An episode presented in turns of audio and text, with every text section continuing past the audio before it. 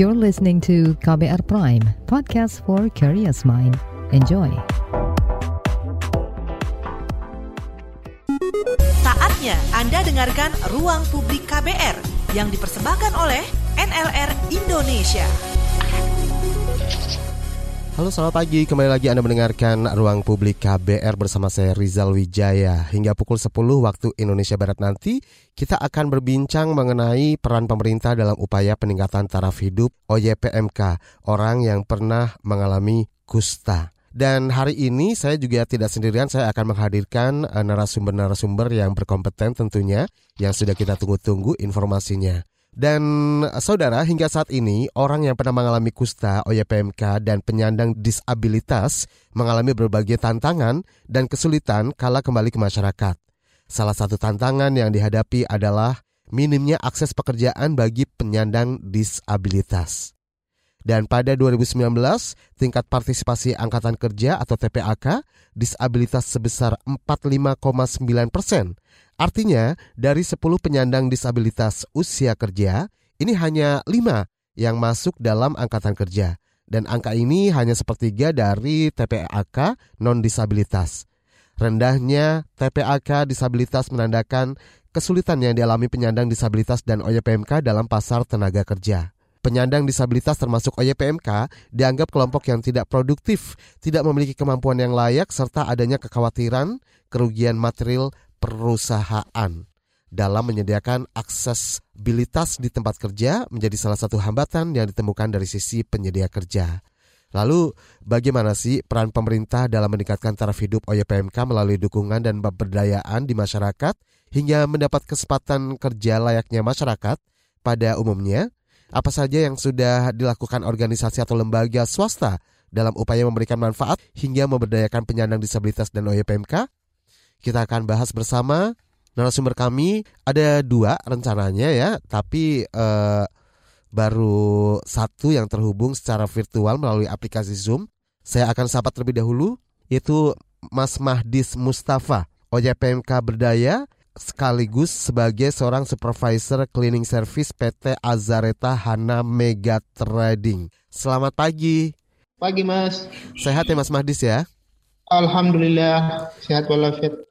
Dan nanti kita juga akan mengundang nih uh, ada Bapak Agus Suprapto selaku Deputi Bidang Koordinasi Peningkatan Kualitas Kesehatan dan Pembangunan Kependudukan Kemenko PMK RI. Tapi uh, sabar menunggu karena uh, gimana pun juga kesibukannya juga tentu uh, padat sekali ya. Baik.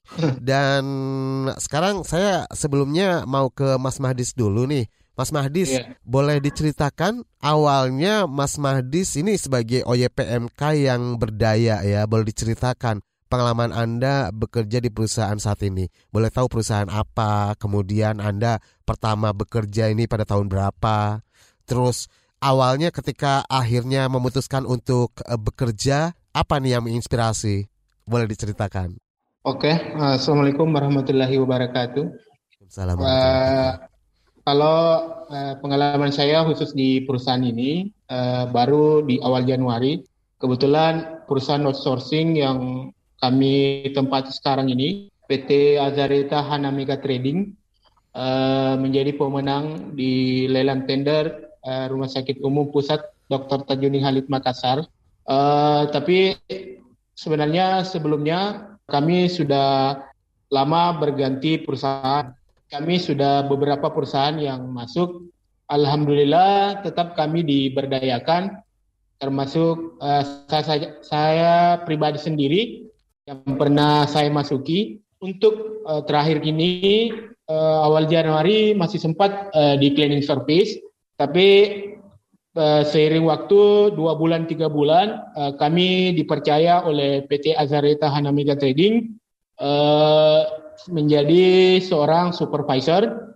Uh, uh, itu secara tidak langsung sih uh, menjadi kebanggaan tersendiri karena saya merasa OYPMK masih bisa, masih mampu. Nah, insya Allah uh, kami uh, dan teman-teman OYPMK sendiri yang ada di dalam naungan ini tetap uh, semangat karena PT Azareta Hanamage Trading atas inisiatif dari uh, uh, pejabat dari Rumah Sakit Dr. Tajuni Halid uh, masih mengizinkan kami untuk tetap berada di rumah sakit ini dan di perusahaan yang ada sekarang ini.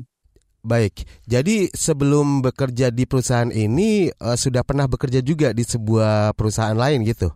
Uh, kami saya sendiri pribadi sudah uh, sudah empat perusahaan yang saya lalui wow. di outsourcing. Kebetulan uh, kontrak kami kan kontrak per tahun. Uh. Jadi uh, setiap kontrak berakhir uh, kami melamar pekerjaan kembali, memperbarui uh, CV kami. Alhamdulillah kami diterima, terutama di Reception Body uh, tidak dipersulit begitu uh, oleh teman-teman perusahaan dari outsourcing tersebut. Baik, Mas Madis, ini lokasinya di mana? Makassar ya? Iya, Makassar, Mas. Berarti dari bekerja pertama juga di Makassar?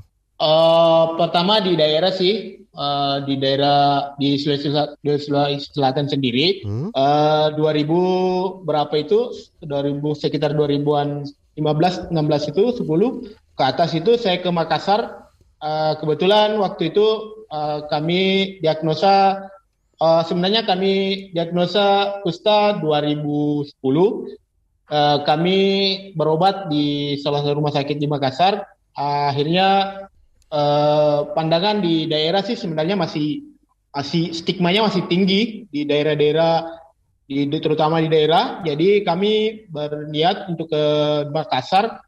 Kebetulan dengan tenaga yang masih sakit waktu itu, cuma karena keterbatasan uh, hidup, makanya kami uh, apa lagi namanya mencari peluang untuk kerja di outsourcing. Cuma alhamdulillah kami saya sendiri diterima uh, dan dipekerjakan sebagai seorang cleaning, cleaning service waktu itu. Dan sekarang sudah menjadi supervisor cleaning service ya, luar biasa. Selamat ya, ya. loh mas. Selamat Mas ya. Mahdis. Ini boleh tahu timnya ada berapa nih Mas Mahdis? Uh, kami sebenarnya di PT Azareda yang namanya Trading kami punya dua tim. Kami yang tim, yang satu tim dengan Mas Mahdis. Mas Mahdis kan jadi supervisor nih. Kami membawahi dua tim. Dua tim. Wow. Ya. Itu tim pertama di dalam gedung cleaning service di gedung. Kalau tim kedua uh, kami membawahi uh, area taman dan halamannya. Halaman okay. rumah sakit umum Keren banget. Selamat sekali lagi. Saya bangga loh Mas Madis. Baik. Eh. Dan Mas Madis, boleh diceritakan dong uh, pertama kali apa apa sih atau siapa yang mendorong Mas Madis akhirnya uh, di tengah stigma yang tadi disampaikan lumayan kental juga ya kalau di daerah gitu ya, ya terutama di daerah Mas Madis ya. Ya. Ini masih kuat uh, banget ya namanya stigma. Nah, apa yang akhirnya mendorong Mas Mahdis akhirnya berani untuk uh, keluar dari stigma itu?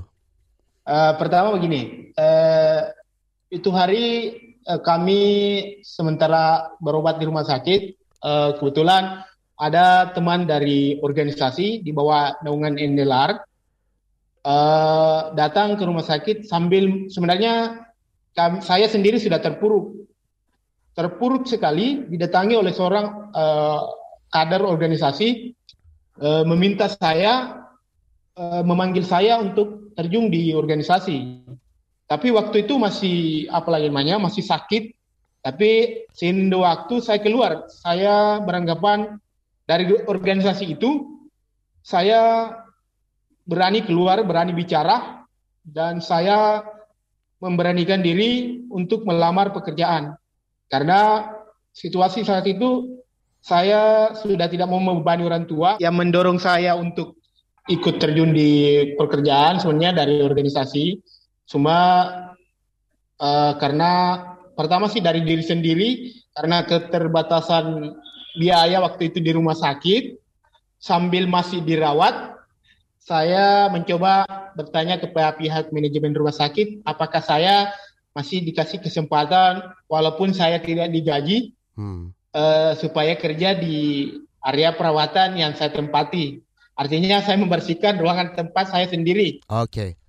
Supaya ada ke ada kegiatan sekaligus ada tidak terlalu stres di dalam ruangan. Baik. Ya. Dan sepertinya sudah terhubung kembali Bapak Agus Halo, selamat pagi. Dr. Agus Suprapto, MKes ya, Deputi Bidang Koordinasi Peningkatan Kualitas Kesehatan dan Pembangunan Kependudukan Kemenko PMK RI. Selamat pagi, dokter. Selamat pagi, mohon maaf. Mohon maaf tadi saya sudah gabung setengah sembilan, tetapi karena ini eh, hal-hal beberapa yang menumpuk, jadi mohon maaf Baik. sekali, Mas. Kami ya. juga mohon maaf ya, uh, sudah mengganggu kesibukan Bapak Baik. Iya, iya. Dan kami uh, di sini akan sedikit menggali informasi ini uh, ter terkait dengan tema kita pemeri peran pemerintah dalam upaya peningkatan taraf hidup OYPMK dan tentunya uh, penyandang disabilitas lain. Nah, tadi saya udah ngobrol-ngobrol nih dengan Mas Mahdi salah satu OYPMK berdaya yang ternyata sekarang udah menjadi supervisor loh.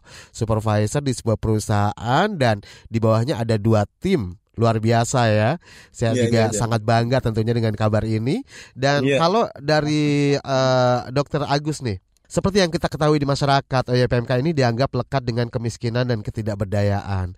Sebelumnya mohon dijelaskan sih seperti apa upaya peningkatan kualitas taraf hidup baik dari segi kesehatan maupun ekonomi secara keseluruhan pada penyandang disabilitas dan orang yang pernah mengalami kusta atau OYPMK.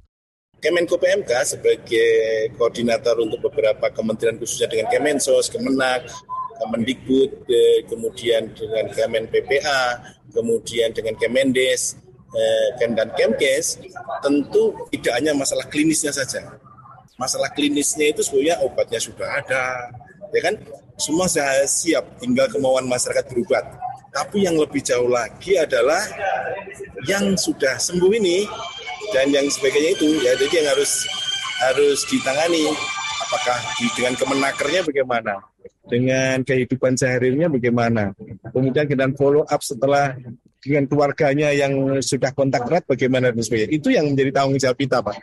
Makanya untuk Costa, kalau masalah di sini hanya masalah di klinis Jawa Bali, tapi kalau di, di daerah Papua sana bahkan ada masalah genetika yang menyebabkan dia reaktif terhadap multi drug itu obat-obat itu. Jadi dampak anunya lebih berat juga di daerah saudara kita di Papua ini karena rasnya tertentu itu dia menyebabkan dia terjadi alergi obat yang dipakai. Itu masalah besar kita dan sedang terjadi penelitian dunia. Itu. Jadi selamat kalau untuk Muhammad Distaji telah berhasil eh, dalam kehidupannya dan ini memotivasi untuk yang lainnya untuk bisa hidup lebih layak di masyarakat ya. Memang literasi dan edukasinya luar biasa. Kunci dari kusta kan sebenarnya kebersihan kan sebetulnya kan gitu. Makanya sekarang Pak Menko Pak Menko PMK ini men, me, apa ini menggarap dari dimensi lain. Di kota-kota besar itu dia namanya program kotaku itu daerah-daerah yang selam, yang kurang matahari, yang sanitasinya pemukimannya kurang bagus, itu di, dilakukan perbaikan kota. Nanti hari Jumat Pak Menko PMK juga akan di Medan. Medan itu kan kasusnya juga tinggi loh. Medan walaupun kota itu dilakukan perbaikan pemukiman di Solo, di mana-mana. Yang tersisa saat ini adalah sejumlah penderita kusta di rumah sakit yang belum bisa dikembalikan kan karena beberapa hal belum diterima keluarganya, belum ya. itulah menjadi PR-PR yang harus kita selesaikan bersama. Oke, itu sementara dari saya. Baik. Dan tentunya ini tidak hanya bisa dikerjakan oleh pemerintah sendirian gitu ya Pak ya. Iya betul. Karena bagaimanapun beberapa... juga faktor kesadaran di masyarakat juga perlu ditingkatkan seperti itu kira-kira ya Pak ya. Iya betul. Jadi beberapa waktu yang lalu sebelum COVID itu kita mau garap bersama yang teman-teman yang dari Pak Duta Besar Jepang juga mau datang kan. Ada ya kayaknya itu. Ayo kita garap kusta gitu. Begitu mau kita garap karena saya itu terus ada COVID itu. Jadi kita menjadi menjadi terhenti. Dan saat ini hampir semua mitra-mitra di bidang kesehatan yang kita dorong, kita bahkan untuk TBC ada wadah kemitraannya tersendiri untuk HIV. Jadi kemarin itu ketemu saya dengan teman-teman mitra TBC. Kemarin ketemu teman-teman mitra yang AIDS. Nah sekarang ini saya sangat senang kalau yang kusta ini juga kita rapatkan barisan lagi. Ayo kita garap-garap bersama. Kusta garap, garap bersama untuk kasus kusta ini dari hulu sampai hilirnya kan Baik. gitu. Bagaimanapun ya. juga karena yang namanya OYPMK ini mempunyai hak yang sama dengan yang Betul. lain gitu ya. Nah, Betul. tapi kesetaraan kesetaraan yang seperti apa sebenarnya uh, Dok? Mungkin bisa dijelaskan kesetaraan yang dimaksud. Ya gini. Kita tidak bisa memungkiri bahwa memang ada semacam orang masih kadang-kadang yang takut, ada yang takut. Ya, kesetaraan dan kesetaraan kalau orang sembuh, orang sembuh itu setaranya ya sama dengan orang normal. Ya kan gitu kan. setaranya dengan orang biasanya kan gitu. Tapi kan kita tidak bisa eh, tidak tidak bisa memungkiri sikap masyarakat dan lain-lain untuk hal ini. Dan kan gitu kan. Jadi oleh karena itu kita perlu bersama-sama mitra untuk bisa menjelaskan meningkatkan literasi kepada masyarakat terkait hal ini. Ya, kita tahan dulu karena kita harus jeda iklan, tapi nanti kembali lagi kita akan uh, disambung ya, Dokter Agus dan juga Mas Mahdis. Jangan ke mana-mana, tetap bersama saya Rizal Wijaya dan saya akan kembali setelah jeda iklan berikut ini. Masih Anda dengarkan Ruang Publik KBR yang dipersembahkan oleh NLR Indonesia.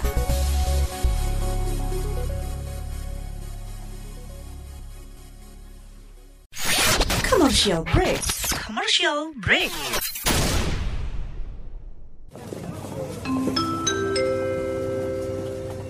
Mohon perhatian, panggilan terakhir penumpang Trending Air dengan nomor penerbangan WT0101 dipersilakan segera mendengarkan podcast What's Trending melalui Spotify. Karena podcast What's Trending sekarang ada di playlist teman perjalananmu. Selamat menikmati. Terima kasih.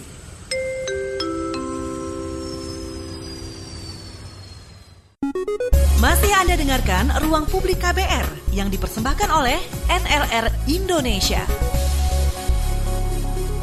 Anda masih bersama saya Rizal Wijaya di Ruang Publik KBR yang dipersembahkan oleh NLR Indonesia dengan tema Peran Pemerintah dalam Upaya Peningkatan Taraf Hidup OYPMK. Dan hari ini saya juga bersama dengan eh, Dr. Agus Suprapto MKes, Deputi Bidang Koordinasi Peningkatan Kualitas Kesehatan dan Pembangunan Kependudukan Kemenko PMK RI. Kemudian ada juga Mas Mahdis Mustafa, OYPMK Berdaya, sekaligus Supervisor Cleaning Service PT Azareta Hana Mega Trading.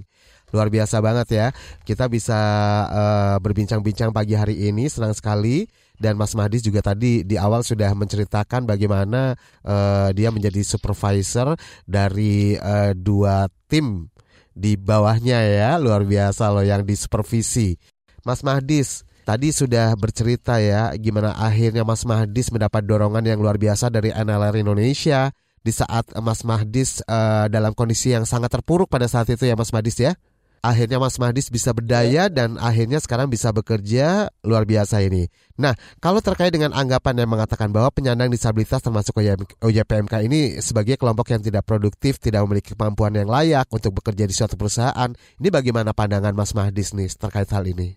Oke, anggapan itu mungkin muncul dari uh, karena OJPMK itu dianggap tidak memiliki pendidikan yang mumpuni tidak dimiliki uh, keterampilan yang dibanding uh, teman-teman yang lain dan adanya keterbatasan fisik yang mereka miliki. Tapi uh, namun di balik uh, keterbatasan itu, di balik uh, apa yang tidak dimiliki oleh OYPMK, sepanjang kami OYPMK dan penyandang disabilitas lainnya kami diberi ruang, kami diberi waktu, dan kami diberi kesempatan.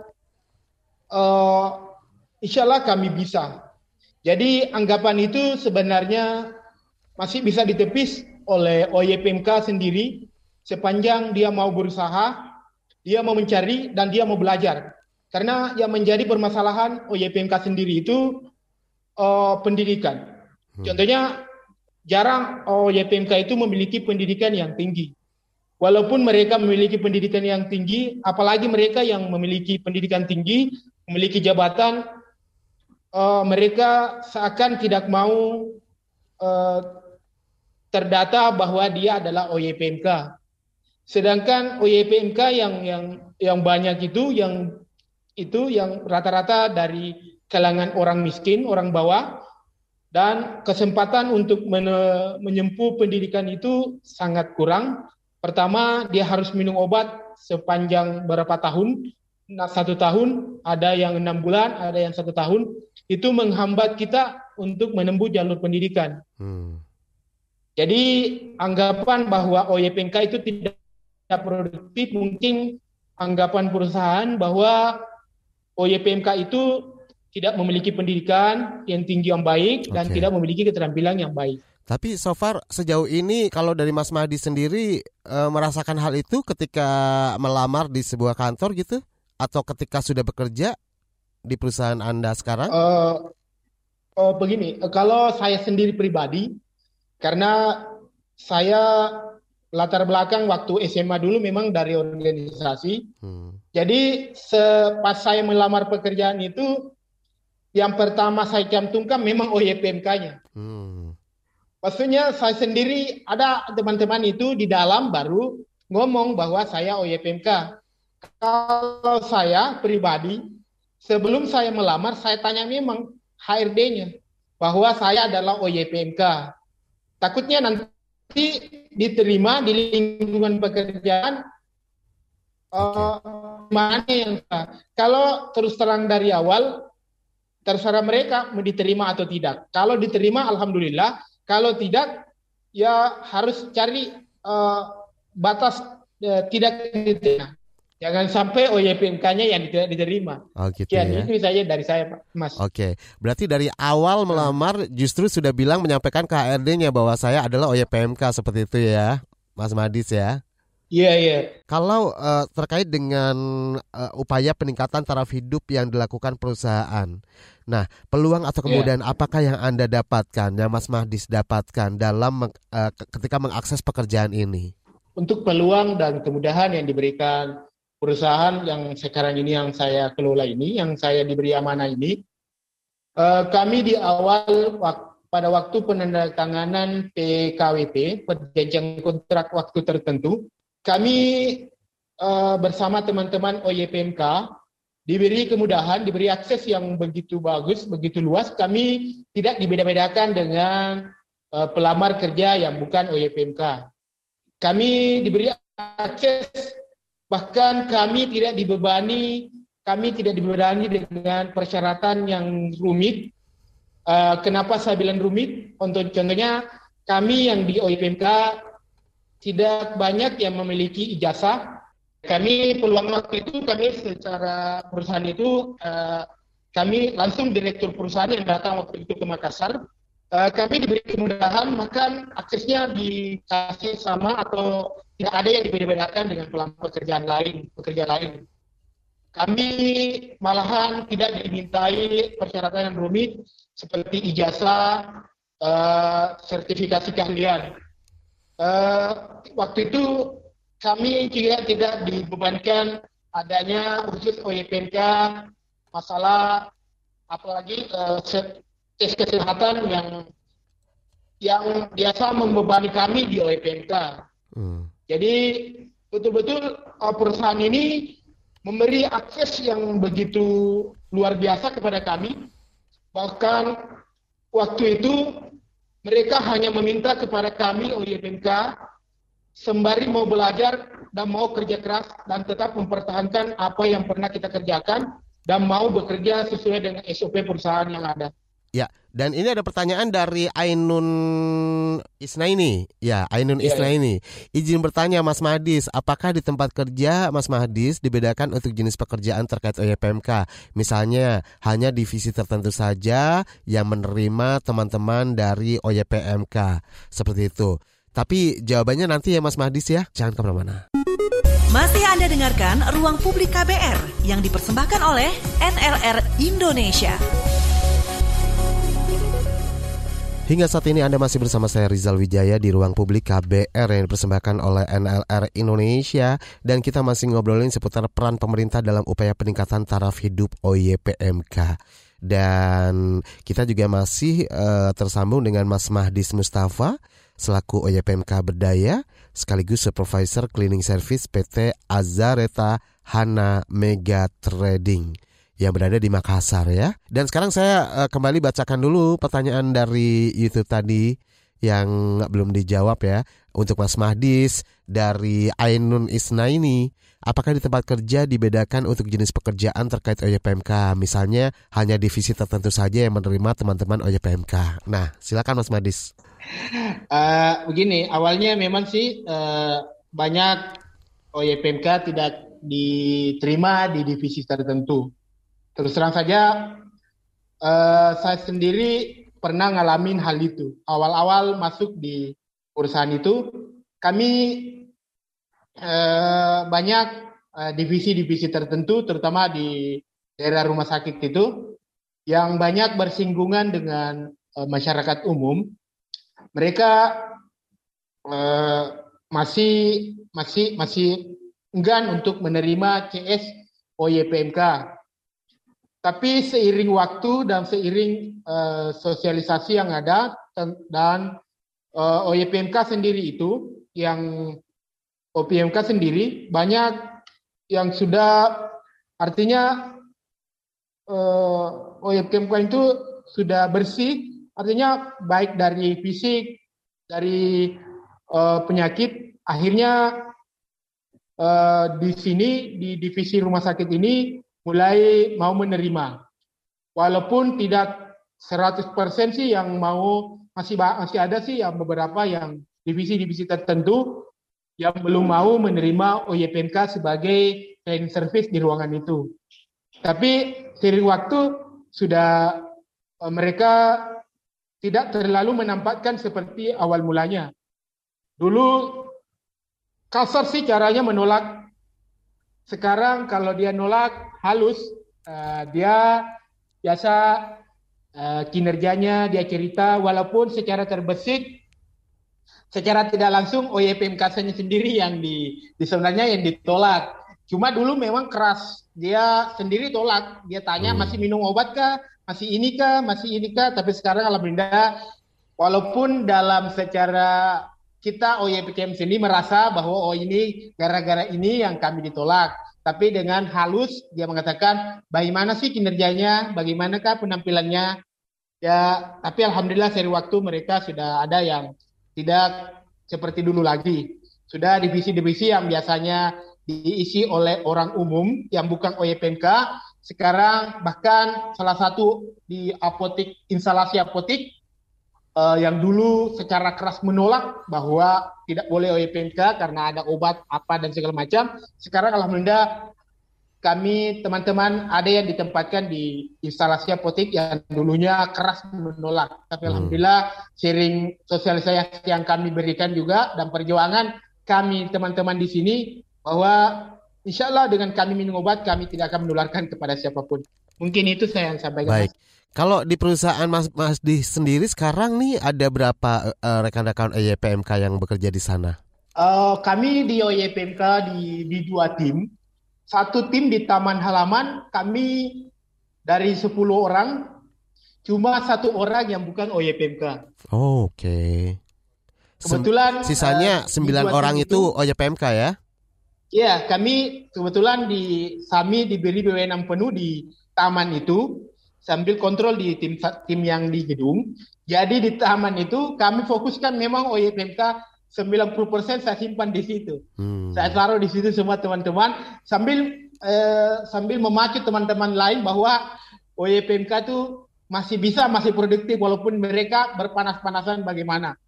Kalau di gedung sendiri lebih dari ada lebih dari 10 orang. Jadi totalnya di tim kami ada sekitar 20 orang lebih YPMK yang kami berdayakan termasuk kami sendiri SP-nya uh, YPMK.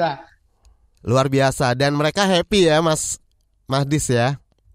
Ya ya happy happy sih Mas. Dong. Mereka menganggap bahwa teman-teman yang lain juga uh, teman rekan-rekan kerja berbaur dengan kita. Maka kemarin-kemarin itu satu bulannya lalu kami bikin kelompok kami bagi itu, kami tidak fokuskan bahwa OPMK, OYPMK tidak. Kami malahan gabung, ini OYPMK gabung tim ini dengan orang luar, maksudnya tim-tim yang lain, artinya teman-teman yang dari bukan OYPMK. Saya lihat perkembangannya mereka happy, mereka bahkan uh, tim kerjasamanya baik dan lebih baik dari sebelumnya. Hmm, baik. Dan berikutnya ada pertanyaan lagi nih dari YouTube. Saya akan buka kembali.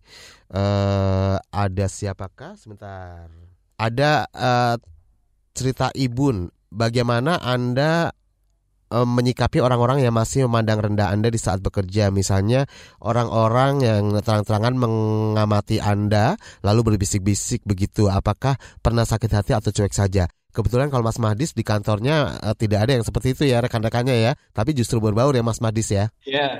Tapi ya, ya. pernah nggak mengalami kayak gini yang- Mas Mahdis? Pernah sih awalnya. Pernah. Awal itu hari saya, saya cerita PSB kembali. Saya itu hari naik eh, apa angkutan umum. Waktu naik itu mereka sih duduk di pinggir semua itu hari. Pas naik saya deh langsung dibuka kan jalan, mundur mundur, langsung duduk sambil berbisik. Eh, sebenarnya itu sebenarnya saya sebenarnya sih sakit hati awalnya. Sering waktu buat apa sih mikirin mereka? Mereka pun juga tidak tidak tahu saya sih bagaimana modelnya. Sebenarnya sih yang begitu-begituan itu eh, ada sih beberapa teman yang merasa jangankan bisik-bisik, melihat saja langsung alihkan pandangan itu sebenarnya OYPNK sudah terlalu tersinggung sih. Cuma kami, eh, saya sendiri pribadi penganggapan eh, awal-awalnya sakit hati sekarang sudah cuek, sudah sudah ambil happy itu penyakit. Ah, ini mungkin mereka belum tahu kami siapa, mereka kami. Jadi secara tidak langsung kami tidak terlalu pusingi sih Mas saja yang begituan stigma yang oh, kecuali karena kami di sini sudah berbaur karena mungkin kami sudah berbaur di sini jadi happy happy saja sih at- atas permasalahan begitu Mas. Jadi sudah biasa ya Mas Madis ya. Iya iya iya iya. Bukan hal aneh lagi Mas Madis. Oke, berikutnya ada Kartika Indah. Halo Mas Madis, boleh tahu saat ini bekerja di mana? Kondisi saat ini masih minum obatkah? Dan usia berapa terdiagnosa kusta? Terkena kusta karena penularan atau karena apa ya? Dari Kartika Indah. Eh, awal mula kena sakit itu 2010, sekarang saya sudah umur 40 itu. Jadi sekitar umur 25-an, 26 itu terdiagnosa. Awalnya itu oh, saya tidak tahu sih apa itu, cuma bahkan saya minum obat saya tidak tahu eh, itu obat apa. Eh, saya dibawa ke puskesmas, kebetulan orang tua saya eh, almarhum bapak saya me- melarang petugas puskesmas menyampaikan kepada saya karena siapa tahu saya stres bagaimana. Jadi saya minum obat sampai 9 bulan itu, saya minta keterangan dari petugas, mereka bilang alergi. Jadi saya minum obat itu, kok alergi sampai 9 bulan, tidak berhenti-berhenti minum obat. Jadi saya buka itu obatnya, pas ada tulisannya, and uh, for leprosy, for leprosy. Nah, saya baca literatur, ternyata leprosy itu ya lepra kusta. Jadi di situ mulai stres kembali, di situ mulai stres ternyata saya selama ini inilah penyakit yang sangat dibenci oleh masyarakat sih. Berikutnya ada penelpon juga nih, Mas Madis yang sudah terhubung. Ya, ya. Langsung saja kita angkat ya. Halo, selamat pagi. Selamat pagi, Marija. Ya, dengan Bapak siapa di mana? Bersama Hanan di Jakarta. Hanan di Jakarta silakan. Iya, betul. Eh, Sementara ini dengan Mas Mandis ya. Iya, ini salah satu Ya. OYM, OYPMK berdaya. Iya, iya. Maksud saya, saya mau menanyakan dengan Dokter Agus, eh, cut off atau masih kemungkinan bisa naik? Dokter Dokter Agus kebetulan memang agendanya lagi padat banget nih. Oh, padat banget. baik. Iya. Nah, Mungkin nggak apa-apa. Berarti ke eh, Mas Madis. saya akan berikan Mas Madis ya. Mas Iya. Madis, selamat pagi. Salam sukses selalu buat kawannya juga, rekannya yang di belakang. Eh, Iya, iya.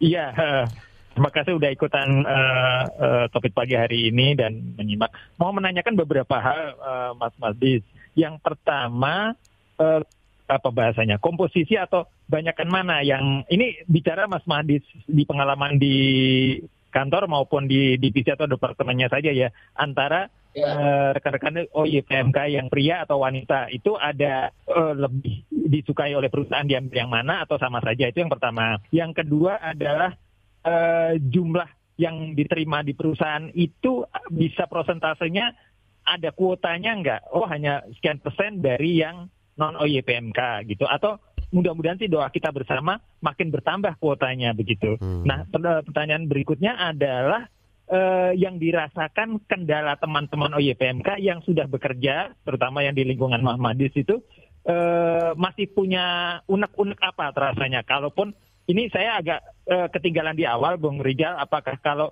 yang sudah bahasanya apa ya? Tadi Mahmadis itu sudah eh, eh, clean total itu eh, tidak ada keluhan-keluhan apa lagi selama bekerja selaku eh, penyintas OYPMK maksud saya gitu. Ada gangguan nggak selama pekerjaan? Atau yang dirasa secara hati eh, ada apa ya bahasanya itu eh, dari lingkungan kerja maupun atasan yang Perlakuan masih gimana gitu. gimana Ya, ya. Kalaupun tidak bentuk fisik, lebih ke uh, ya bahasanya kita kita nyemangatin jangan baperan gitu. Nah, tapi kan orang kadang-kadang masih ada bapernya juga ya, Bung Rijal dan yeah. Bung Mahdis karena kok kayaknya agak dikirim diskriminatif sensitif. tapi sensitif uh, itu bukan merek uh, salah satu yang itu yeah. ya uh, Bung Rijal Anda ngomong gitu saya jadi keingetan merek uh, nah itu kira-kira gimana uh, uh, mohon disampaikan uh, Mas Mahdis dalam kesempatan okay. ini. Tiga pertanyaan saja, sudah selalu buat semua. Ya, terima kasih. Terima kasih atas waktunya. Terima kasih pagi Hanan Jakarta. Ya. Nanti kita akan lanjutkan, nanti kita akan jawab satu persatu pertanyaan Mas Hanan. Kita akan jeda iklan terlebih dahulu ya. Masih Anda dengarkan Ruang Publik KBR yang dipersembahkan oleh NLR Indonesia.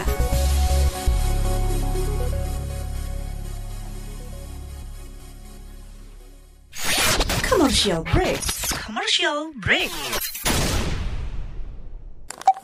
Transfer ke sini udah, bayar ini juga udah. Ke gue udah. Heh, Allah, pertumbuhan ekonomi tuh lagi melambat, persis kayak tabungan gue.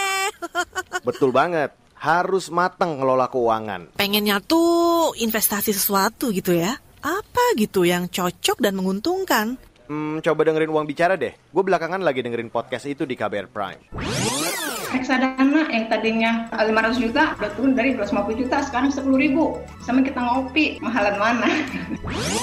Ketika itu ada keputusan yang kayak begitu investor harus tahu gitu oh ada keputusan ini berarti implikasinya apa? Orang mungkin perluas literasi kamu lewat podcast Uang Bicara.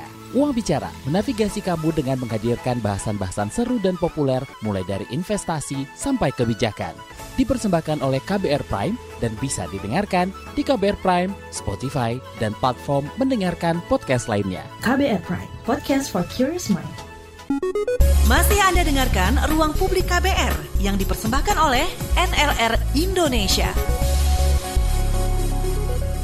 Kita sampai di bagian akhir ruang publik KBR bersama saya Rizal Wijaya bersama dengan NLR Indonesia dan kita membahas dengan uh, tema peran pemerintah dalam upaya peningkatan taraf hidup OYPMK. Kalau di awal kita sudah menghadirkan narasumber ada Dr. Agus Suprapto MKes ya Deputi Bidang Koordinasi Peningkatan Kualitas Kesehatan dan Pembangunan Kependudukan Kemenkop MKRI yang hanya bisa join di ruang publik sesi awal tadi ya. Tapi jangan khawatir karena saya juga masih terhubung dengan Mas Mahdis Mustafa seorang OYPMK Berdaya sekaligus Supervisor Cleaning Service PT Arzareta Hana Mega Trading. Dan uh, kita juga sudah mendapatkan beberapa pertanyaan, salah satunya sebelum jeda iklan tadi ada Mas Hanan. Mas Hanan menanyakan tiga pertanyaan sekaligus nih Mas Mahdis berapa persentase jumlah karyawan antara OYPMK pria dengan wanita di perusahaan Mas Madis nih? Itu yang pertama. Kemudian yang kedua, jumlah yang diterima ini pada saat penerimaan karyawan OYPMK terutama, ini ada kuotanya nggak sih? Misalnya dibatasi jumlahnya hanya menerima berapa orang OYPMK gitu. Oke, kemudian kendala apa yang dirasakan selama uh, Mas Mahdis sebagai OYPMK berdaya selama bekerja di perusahaan ini? Oke, saya uh, pertanyaan pertama presentasi uh, laki-laki dan perempuan OYPMK.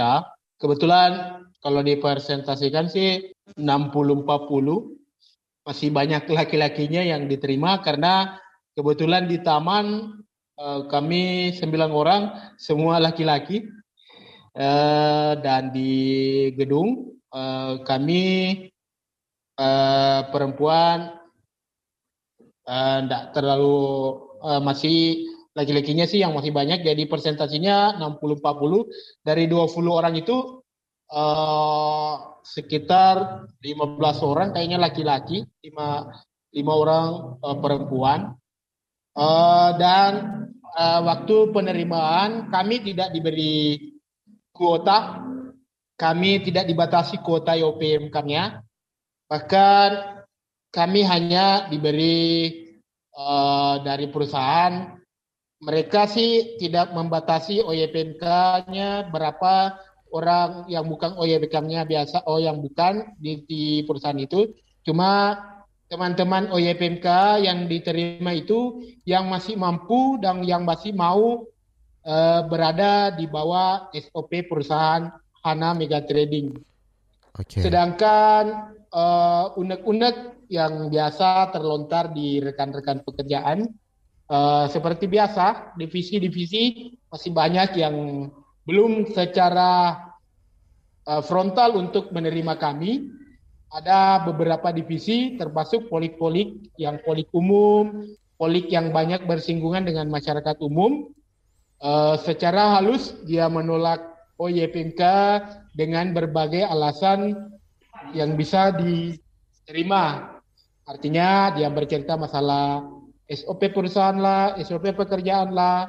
Jadi kalau unek-uneknya teman-teman mungkin uh, dan kendalanya yaitu mungkin dari apa kinerjanya karena OYPMK kalau terlalu capek biasanya penyakitnya kadang atau kondisi fisiknya agak menurun. Hmm. Itu mungkin yang biasa menjadi permasalahan tersendiri tapi alhamdulillah kami sebagai supervisornya juga tahu sih makanya kami tidak terlalu memforsir mereka bahkan kami memberikan waktu jeda mereka makanya saya gabung dengan tim-tim yang lain supaya cara untuk me membagi waktunya tidak terlalu kentara bahwa kami memfokuskan hanya untuk uh, eh, OYPMK makanya saya gabung jadi jeda istirahatnya tetap berjalan seperti biasa, tapi secara tidak langsung menguntungkan bagi OYPMK tersendiri sendiri.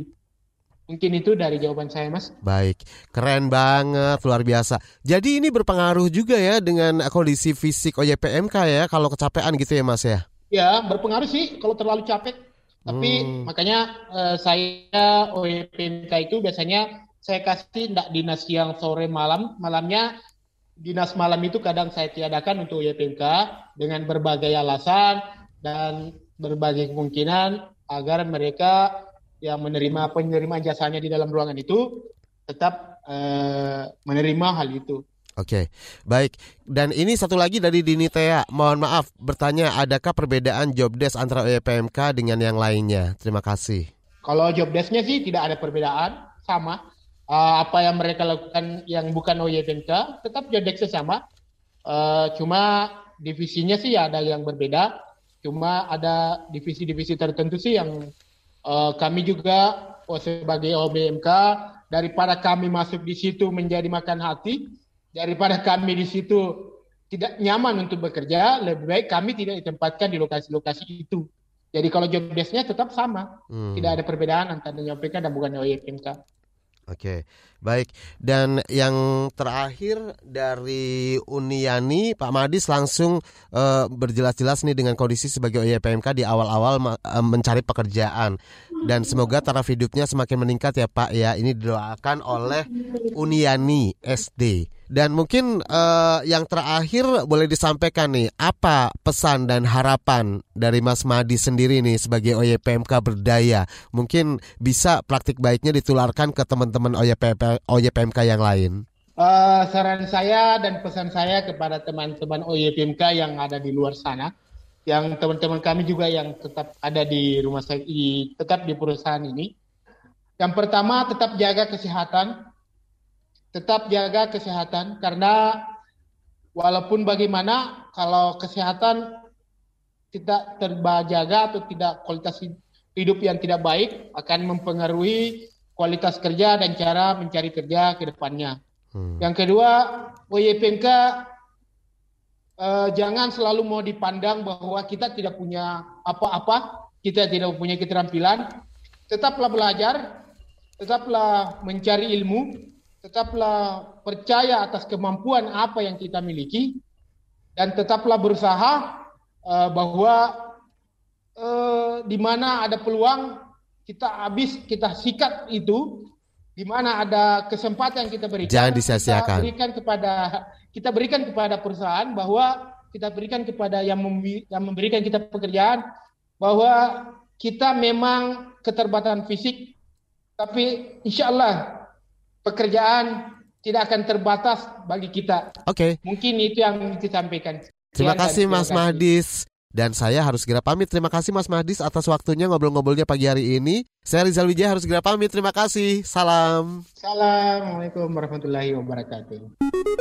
Baru saja Anda dengarkan Ruang Publik KBR yang dipersembahkan oleh NLR Indonesia.